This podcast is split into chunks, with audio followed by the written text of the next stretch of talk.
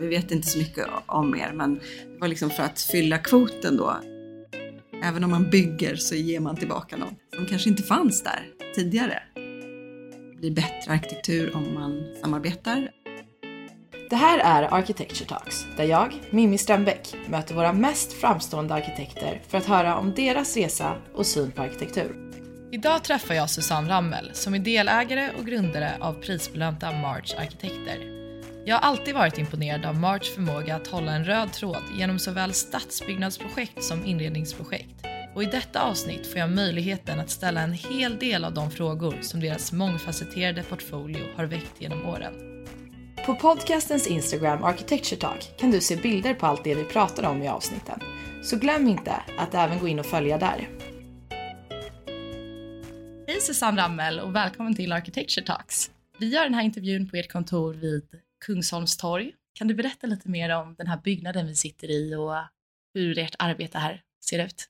Ja, vi har ju precis flyttat hit. Eh, vi flyttade hit i januari och eh, vi kommer från en lokal tidigare. Vi satt på Söder, då är det liksom mer industrilokal där vi alla satt i ett stort öppet rum och nu så sitter vi i mer av liksom ett sekelskifteshus som en stor våning och det är faktiskt eh, eh, varit ehm, tandläkarpraktik här innan. Så här sitter vi mer uppdelade i rum, även om vi sitter några stycken i varje rum. Och sen så träffas vi i eh, då till exempel köket som ligger väldigt centralt, men också i vår materialförråd som också ligger nästan precis när man kommer in i lokalen.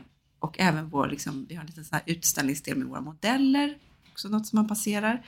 Och vår verkstad passerar man också igenom när man ska till andra delar av lokalen. Så att eh, tanken är ändå, även om vi är lite mer uppdelade så ska man ändå liksom kunna ta del av det som pågår i huset. Det känns verkligen som att ni har kommit till rätta på ett bra sätt och att ni har gjort det här till er plats. Men ni har ju ändå behållit lite av de här gamla spåren från tandläkarkliniken. Ja. Kan du beskriva lite er renovering som ni gjorde? Ja, men precis. Dels har vi flyttat eh, så att just köket är lite mer centralt i byggnaden eh, och sen har vi varit tvungna att ta ner några väggar.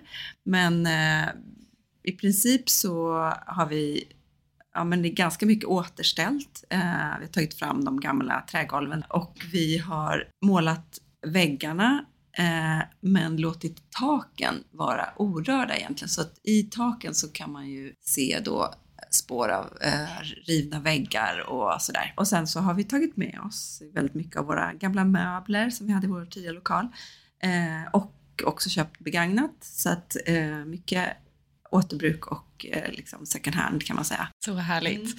Och ni är ungefär runt 40 personer, mm. har jag rätt? Det stämmer. Och hur är stämningen emellan? Hur arbetar ni? Alla är i princip arkitekter som kontor så jobbar vi ganska ett rätt så brett spektra får man lov att säga och det har vi alltid gjort sedan vi startade. Eh, så att vi gör ju både bostäder, samhällsfastigheter, jobbar med kulturmiljö, stadsutveckling, inredning. Vi har liksom inte egentligen nischat oss så eh, och vi, när vi startade så tyckte vi att det fanns en fördel att kunna just jobba i olika skalor, att man är betjänt av att om man till exempel jobbar med en, men i ett stadsutvecklingsprojekt. Så om man har jobbat i ett inredningsprojekt så förstår man kanske behovet hos eh, hyresgäster som då bebor byggnaderna runt omkring. Eh, alltså tänk, så att, att växla mellan skalor kan mm. nog vara en fördel. Verkligen. Och ni träffades på Sandell Sandberg eller ja. hade ni träffats innan Nej, också? vi Nej. träffades faktiskt på Sandell Sandberg. Ja. Så att, och mina kollegor heter ju då Louise Marlier, Pia Aurel Erström och Katarina Grusell det var väl så att vi började liksom prata lite om det då och eh, träffades eh, ja, några kvällar sådär utspritt under ganska lång tid och eh, funderade och tyckte att nog att vi var väldigt bra konstellation och kanske det här skulle vi testa. Sen så blev det ju Marge som är då första bokstaven i våra efternamn som bildade liksom det här namnet Marge. När vi startade så tänkte vi att vi skulle starta utifrån vi inte skulle, eh, att det inte skulle vara våra namn. Vi var ju fyra så att det var ju kanske lite svårt att få ihop våra namn. Men vi vill inte heller, det är så många kontor som har just eh, baserats på någons namn. Mm. Och eh, jag menar, hela idén med vårt, att vi startade var att vi ville samarbeta och vi vill samarbeta med andra och vi vet ju att det här liksom är arkitekt arkitektarbete, det är ju in, egentligen inte ett ensamarbete. Det är, ofta är man en större grupp. Så, att, ehm, så vi tyckte att det kändes eh, mer intressant att eh, liksom samla oss kring ett annan person eller ett personnamn. Mm. Så att eh, därför så, och då höll vi på jättelänge och funderade på vad skulle det där vara för något namn. och sen så gjorde vi den här liksom kombinationen av våra första bokstaven och våra efternamn. Och sen tyckte vi att det fanns en liksom rolig koppling till Marge Simpson. Ja. är liksom också en fantastisk kvinna. det är oundvikligt. ja, det är oundvikligt. Och lite rolig också. Liksom, att Verkligen. humor i det. Så att, eh, ja, det var kul. Men jag tycker också det är kul för det arbetet ni beskriver och det samarbetet ni har äh, flörtar ju även med ordet merge. Mm, ja, ja, att precis. man får äh, det samspelet att det är precis vad ni gör, merge av era olika kompetenser. Precis, det, det, har jag faktiskt inte tänkt på men så är det. Ja. ja. Men på eh, Sandell Sandberg eh, så träffas ni och sen så bestämmer ni er för att starta March. Mm. Vad händer då och var är ni i livet? Var är, Just det, precis. Ja, men då så kan man väl säga att man hade någon typ av metod som vi ville jobba ut efter, som vi diskuterade mycket, kommer jag ihåg. Men den är, fort, det är fortfarande väldigt aktuellt skulle jag säga. Men eh, eh sen så var det ju det att två hade små barn och kanske tyckte att ja, men de, jag tror för dem var det också en anledning till att starta faktiskt, att man liksom känner att vad, vad får jag för plats när jag kommer tillbaka och sådär och börjar jobba. Um, så att uh, det fanns en sån, uh, nog en sån tanke också. Så att det, och man kan väl säga att vi har under våra första år så fick vi ju alla våra barn. Mm. Och då har ja, men, Kattis och Louise har två barn var och vi har fyra barn och jag tre. så, att, ja. så det, är väldigt, det har blivit väldigt många. Ja, vi har blivit många barn. Det har ändå varit högt i tak när det kommer till att vara föräldraledig, behöva vabba. Jag tror vi fyra blev ju väldigt bra på att liksom fylla i varandra och ta över projekt eller ersätta någon i ett möte ja. eller det tror jag vi, vi, verkligen utvecklade under den perioden. Utgångspunkten för oss var ju ändå att vi ville samarbeta, att vi såg det som en, det blir bättre arkitektur om man samarbetar, mm. att det mm. finns alltid ett, liksom, någon som ifrågasätter eller någon som eh, hjälper till att lyfta blicken eller så. Så att vi tyckte att det var liksom väldigt bra för själva processen, mm. eh, skapande processen. Eh, Eh, så det, det är ju liksom ändå lite grunden. Jag menar i ett arkitektprojekt så är man ansvarig arkitekt, man har en handläggande arkitekt och en medverkande arkitekt. Och ansvarig arkitekt är liksom ytterst ansvarig. Eh, och där har vi alltid med oss en ytterligare en ansvarig arkitekt som vi kallar, vi har, kallar det nu rådgivande arkitekt, men egentligen så är det liksom en, det här eh, extra ögat på projektet man vänder och vrider på frågorna och på gestaltningen några extra gånger. Jag tycker det verkar som ett väldigt framgångsrikt koncept i och med att alla era projekt, trots att de är olika, alltid hänger ihop. Och det kan man se att ni har ett bra samspel däremellan. Um, men det jag funderar över är hur, om det hade varit så att du hade fortsatt på egen hand, hur tror du att det hade utvecklats och hur, vem hade du varit som arkitekt idag då? Oj. Eh och det var en svår fråga. Jag hade nog inte startat själv, det tror jag inte. Mm. Utan eh, det var liksom ändå att vi var fyra mm. som vågade ge oss ut. Jag tycker jag har liksom fått eh, utveckla vissa frågeställningar som jag nog inte hade fått utrymme för att göra på samma sätt kanske om jag jobbade på ett kontor. Då kan man ju driva sådana frågeställningar som man själv brinner för eller en gestaltning eller så. Så på så vis har det nog berikat. Sen så ska jag inte sticka under stol med att det, det är klart att det är hårt arbete ja. att eh, driva ett företag. Så, um, så det har vi ju alla erfarit. Men eh, det är inget som någon av oss ångrar och jag kan verkligen rekommendera det. Jag tycker det är synd att det är, det är ändå fortfarande ganska ovanligt att kvinnor ger sig ut. Verkligen. Ja. Hur var klimatet när ni startade? Nej men då var det väl um, ja, då var det ju jätteovanligt. Det var, mm.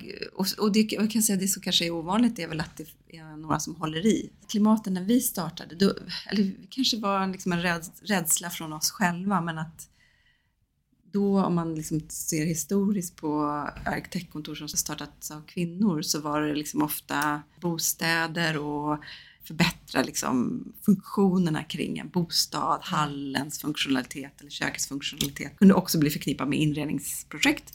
vilket är absolut inte något fel alls. Men eh, sen finns det ju massa jätteduktiga arkite- eh, kvinnliga arkitekter som inte har varit fokuserade på det. Men, men eh, jag tror att det ligger hos kanske oss att vi hade ändå den liksom farhågan.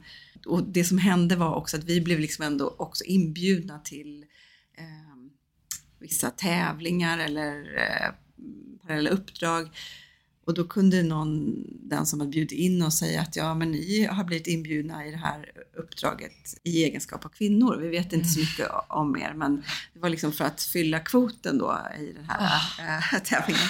Och det, det tyckte vi var ju problematiskt. Och sen så, vad ska man säga, vi har ju aldrig funderat över att vi egentligen är kvinnor så. Ja, men det är ju vår arkitektur som är viktig och det vi gör som är liksom det viktiga.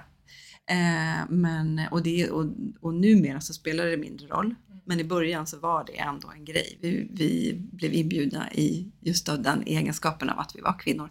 Man förstår ju också att vi har fyllt liksom en funktion. Eftersom det inte finns så många så blir vi ändå någon typ av förebilder.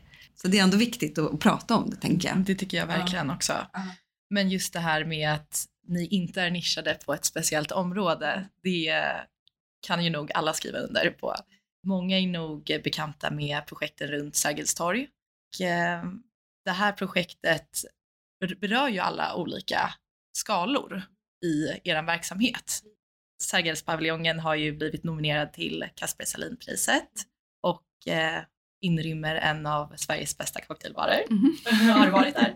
Jag har varit där. Är det bra? Eh, ja, jag har käkat mat där, så jag, har, men jag måste pröva liksom just cocktailbar. Jag, förstår, jag har förstått att den är, Ja, det ska vara riktigt den ska bra. vara riktigt bra. Ja.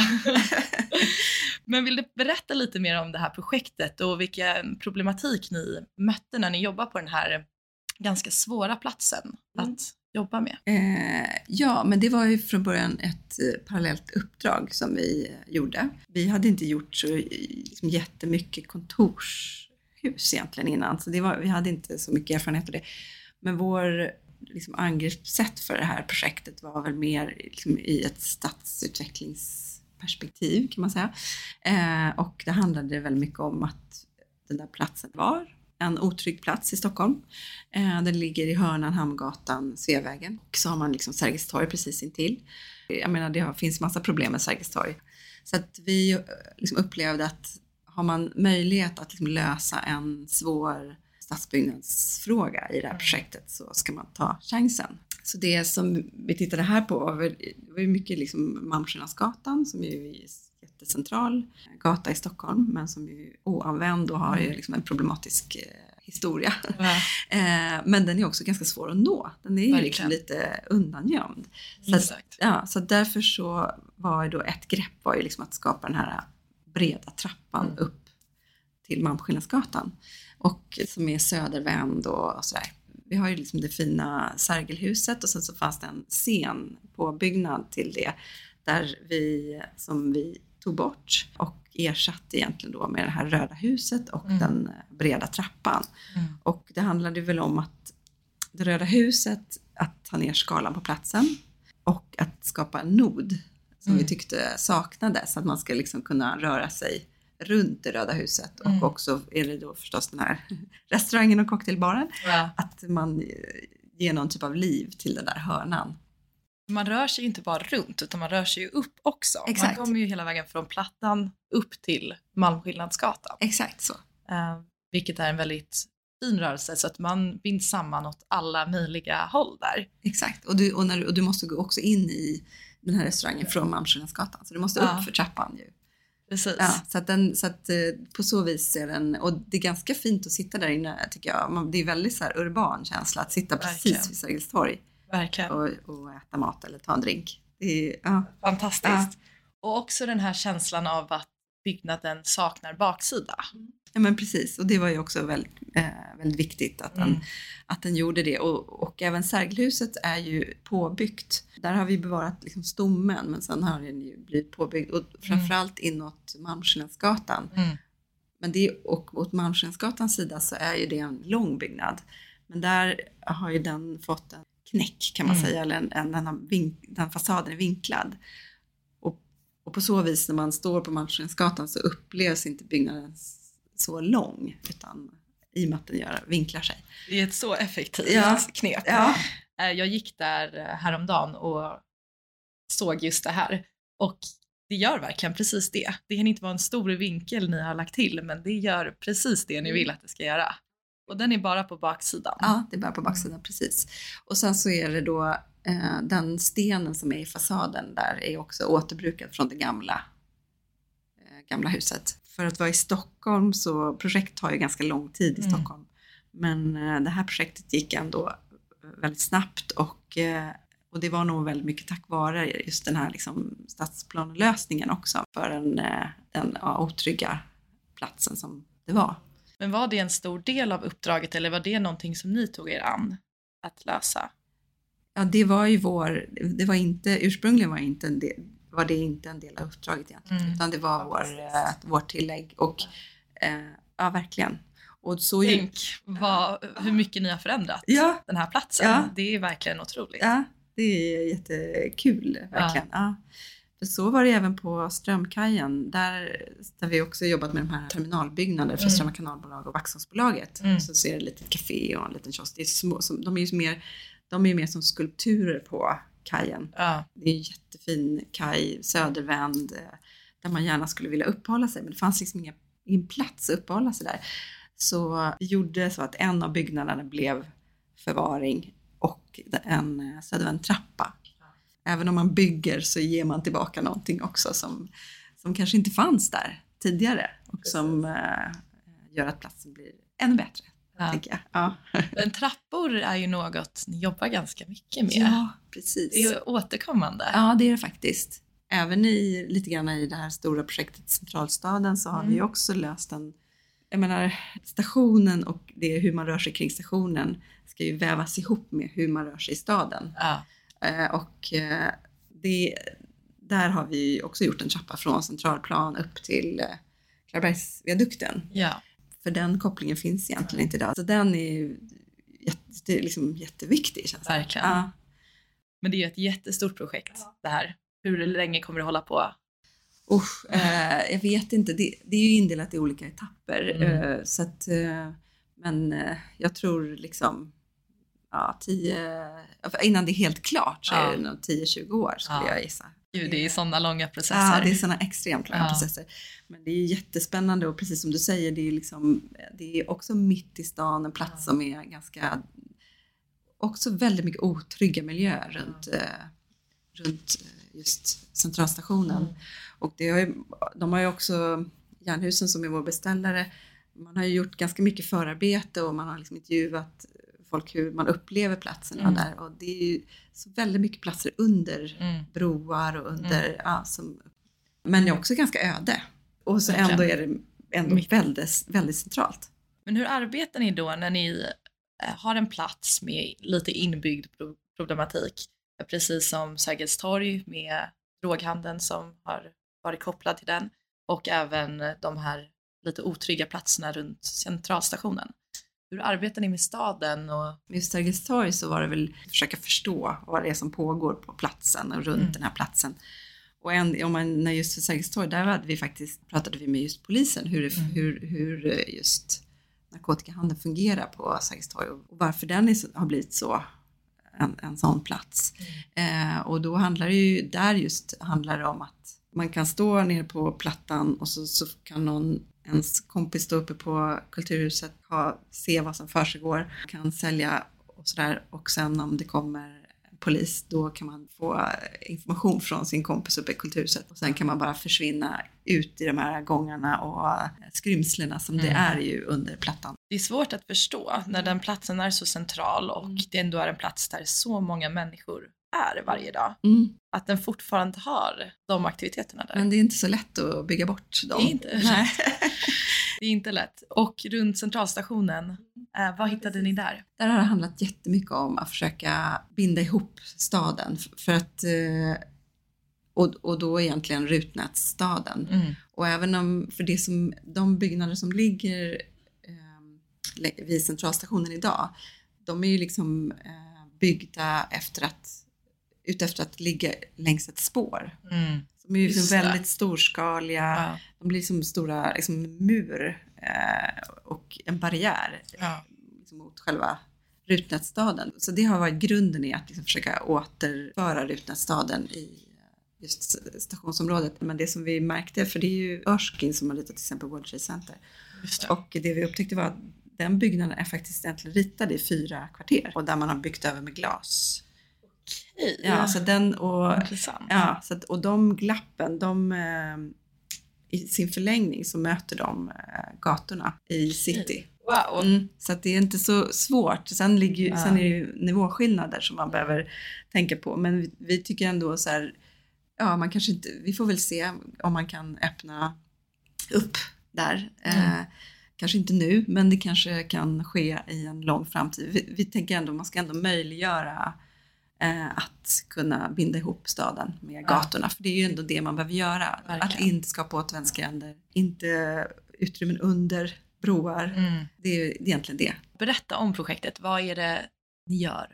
Och jobbar ni med några andra i projektet? Station, äh, centralstationen, Ja, ja, central. eller centralstaden som det heter. Ja, Ja, vad innefattar centralstaden? ja precis. Nej, men vi, det här var ju en, en eh, tävling som vi vann tillsammans med Foster och Partners i Mm. London.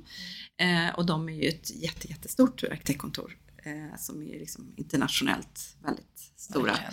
Så det, vi, har ju, vi är ju ganska olika på många sätt och de har ju väldigt mycket erfarenhet av just resenärsmiljöer och vi kan Stockholm. Och det som har varit vårt fokus är väl egentligen att ja, men en stadsdel som på något sätt smälter in i Stockholm, liksom i Stockholms kvartersstruktur. Mm. Vi har egentligen inte skapat någon ny signaturbyggnad eller så där, för vi tycker inte det behövs. Stadshuset ligger så himla nära och sen har vi centralstationen som Mm. är signaturbyggnaden på den platsen. Verkligen. Så att, ehm, s- så att den, det är fortsatt den som är huvudbyggnaden så att säga. Men det är, nog, det är nog helt rätt. Mm. Um, men jag tänker lite på när det gäller arkitekturens syfte för er. Vad har ni för eh, moraliska och sociala ståndpunkter som ni förhåller er till? Eh, ja, ehm, vi tycker att eh, man med, liksom, med arkitektur så kan man ju verkligen ofta göra skillnad med till exempel eh, hur människor möts eller inte möts eller att man verkligen så här, förstår sociala effekten Mm. också av den arkitektur man skapar. Att, eh, och att man liksom har ändå den möjligheten. Så, så just den där eh, sociala aspekten har liksom alltid varit viktigt för oss. Ända sedan vi startade och sen borde vi nog egentligen mer trycka på att det verkligen är social hållbarhet vi arbetar med. Men det har vi inte varit så jättebra på att framföra kanske. Men, Det eh, upplevs. det upplevs precis, Ja. men att vi liksom, ofta försöker förstå vad byggnaden kan tillföra i det. Eh, så, och där kan man väl säga att om man ska bara plocka ut någonting som där det blir också kanske lite extra tydligt det är väl våra vård och omsorgsboenden. Mm. Vårt första stod klart 2009 i Norra Bram i Skåne. Och där jobbade vi eh, också med, då jobbade vi med partnergruppen eh, som var vår beställare och som ha- hade ambitionen att skapa framtidens vård och omsorgsboende. Eh, och där tittade vi liksom ganska mycket på vad, vilka behov har man och hur fungerar egentligen ett vård och omsorgsboende.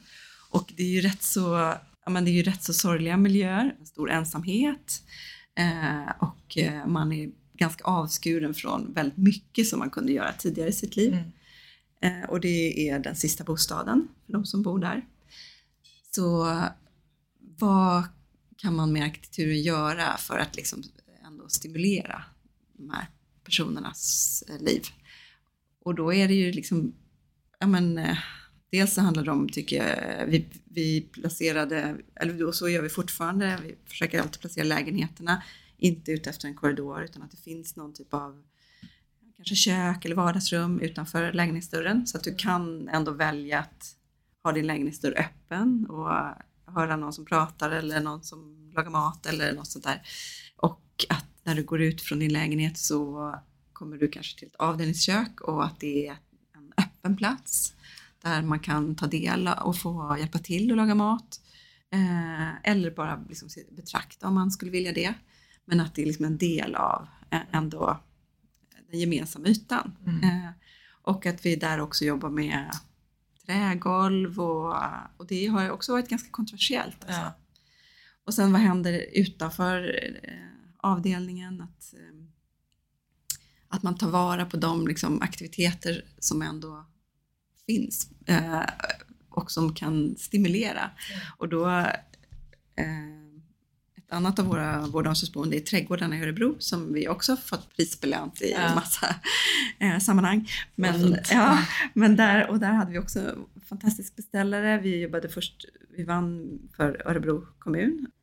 Där i, i huvudentrén så har vi huvudentré men där har vi också varuintag. Och det var ju också väl, väldigt kontroversiellt att ha det på samma ställe. Men vår tanke var att om man ändå försöker koncentrera eh, allt som händer och då är det också men parkering, att folk kommer in från parkeringen, att det är liksom folk kommer in och lämnar bud kommer in, att allt kommer in där. Det, är liv. att, mer, ja men precis så att det, man tar vara på den aktiviteten som finns och Mm. liksom skapar en mer händelserik plats. Ja.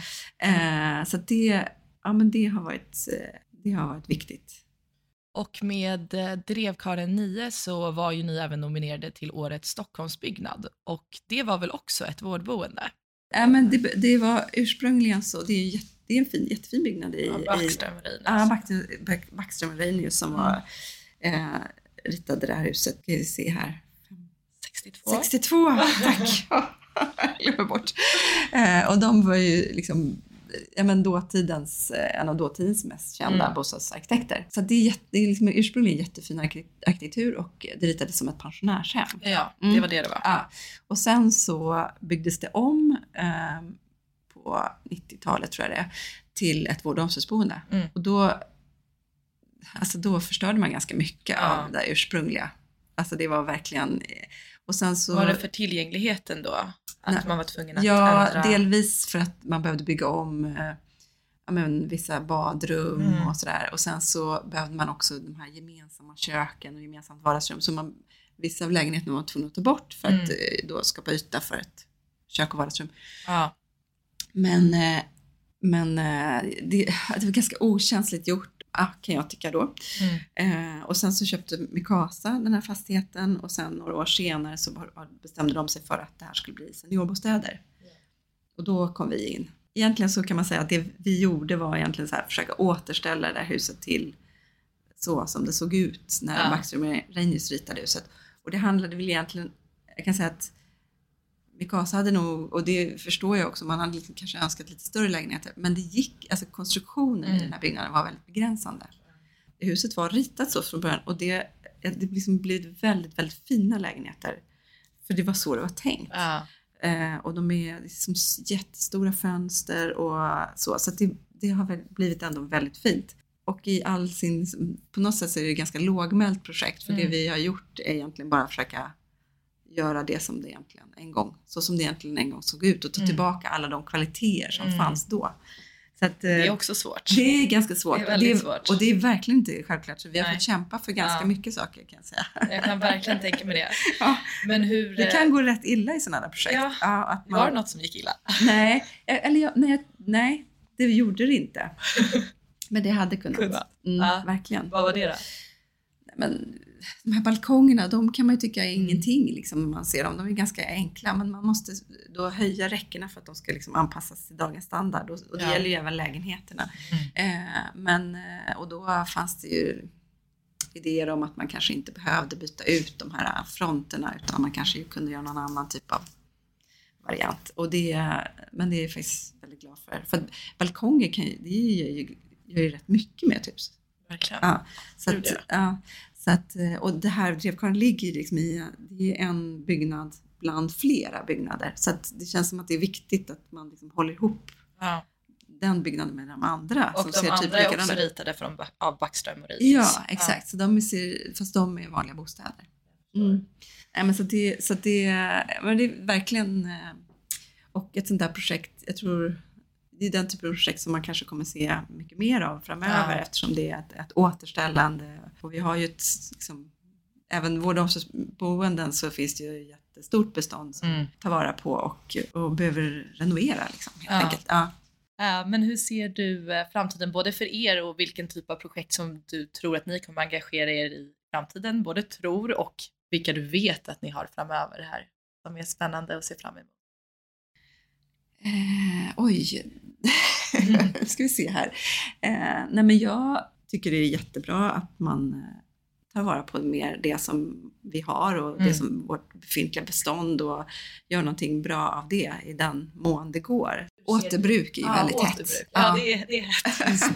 Men i- med, med all rätta kan man ju tycka. Ja, ja, så att, och det, är det har hänt jättemycket under bara de senaste åren. Så att, eh, det, och det ser man ju verkligen fram emot. Ja. Och sen så för oss själva så, ja, vi Ja, bara hoppas för fortsätter och eh, med, och vet, kan väl tänka att vi, vi gillar ju de här lite komplexa projekten, Ja. lite krångliga, Mm. som både eh, Sergelhuset och Centralstaden är.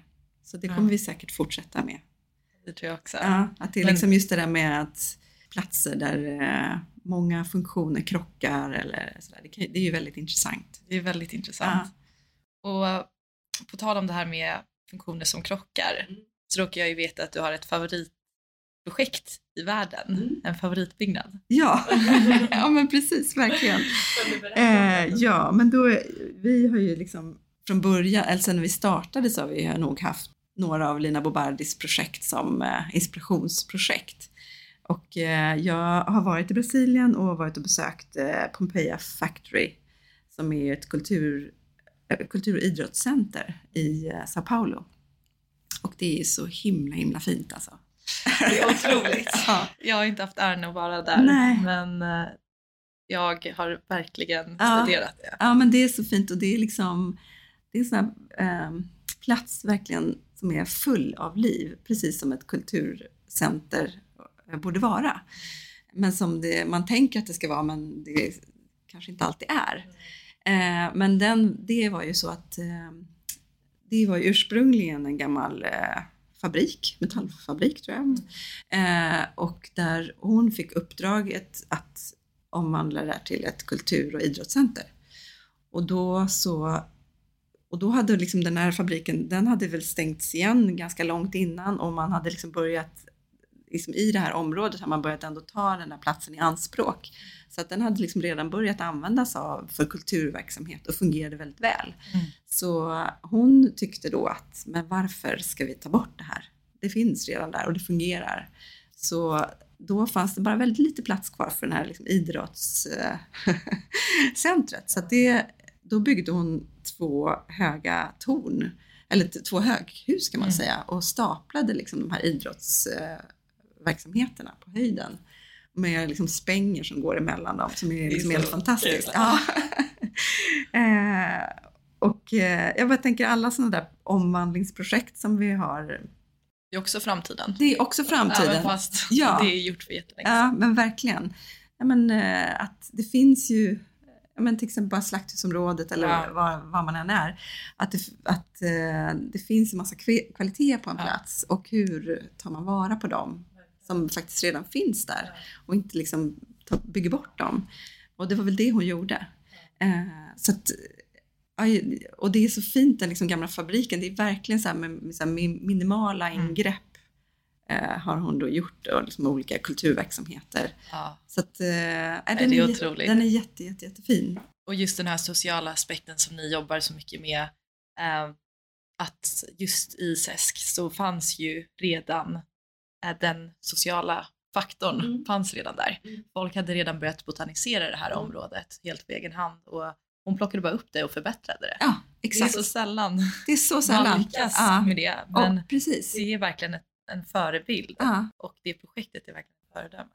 ja, det är, och också väldigt hållbart. För att man tog inte bort någonting Nej. och man byggde på en väldigt liten yta. Eh, och sen så var det i för sig ganska mycket betong så det kan man ju fundera över men ändå. Ja. Och sen byggde hon också ett högt torn så att det där liksom syns ju liksom från hela Sao Paulo. Den här. Ja, så att det har också blivit någon typ av landmärke. Det är, jätte, ja, men det är ett super, superfint projekt verkligen. så Ja. fint. Ja, Och just det här med att eh, rikta upp blicken och kolla uppåt. Här i Stockholm då, där vi är just nu. mm. Eh, var ska man gå för att se Stockholms bästa arkitekt? Mm. ja, det är en så svår fråga för Ja. det eh, finns så mycket att titta på. Men eh, jag, jag, måste ändå eh, svara Skogskyrkogården. Det är ju faktiskt en fantastisk plats och den är ju, det är ju inte en byggnad utan det är ju flera byggnader och ett fantastiskt landskap. Men det är väl just det, liksom samspelet mellan de här byggnaderna och landskapet som är så unikt. Mm. Och eh, jag tröttnar aldrig på att gå dit. Jag bor ganska nära. Eh, och sen har jag varit faktiskt också på begravningar i Heliga Korsets kapell. Det är ju så att den ena ytterväggen är ju höj och sänkbar. Så i slutet så kan man liksom höra fågelkvitter för då har man dragit upp den där väggen. Alltså det är så fint. Och också vända sig om mot ljuset. Ja, vända sig om mot ljuset, precis. Det är så fint. Nu börjar vi att närma oss eh, mot intervjuns slut. Mm. Jag vet att du ska springa iväg på ett möte här efter. Men jag har en sista liten fråga till dig och det är vem, jag tycker, eller vem du tycker att jag ska intervjua framöver i Architecture Talks. Mm, jag kan tänka mig många personer. Men jag skulle ändå eh, säga Dorte Mandrup eh, som är en kvinnlig arkitekt eh, i Danmark mm. och som driver ett väldigt framgångsrikt arkitektkontor. Hon är ju jätteduktig och har blivit liksom internationellt känd och det är faktiskt det är också ovanligt att en kvinnlig arkitekt driver ett eh, arkitektkontor som blir så internationellt framgångsrikt. Det finns inte så många så mm. därför så skulle jag verkligen vilja slå ett slag för henne. Så, så tyvärr vann hon ju en tävling som vi var med i så att det är lite... lite ja, precis. Men jag, med all, liksom all beundran och henne skulle jag jättegärna höra i en intervju av det här slaget. Ja. Ja, men då får vi hålla tummarna. Ja. Vi läser det helt ja, enkelt. det hoppas jag. Det vore kul. Stort tack för en, ett jättetrevligt samtal. Tack själv, det har varit jättekul verkligen. Ja. Stort tack. Mm, tack.